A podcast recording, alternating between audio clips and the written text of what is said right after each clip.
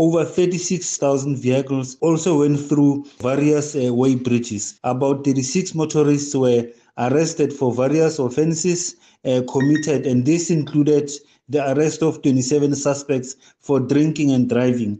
Seven more motorists were nabbed for excessive speeding.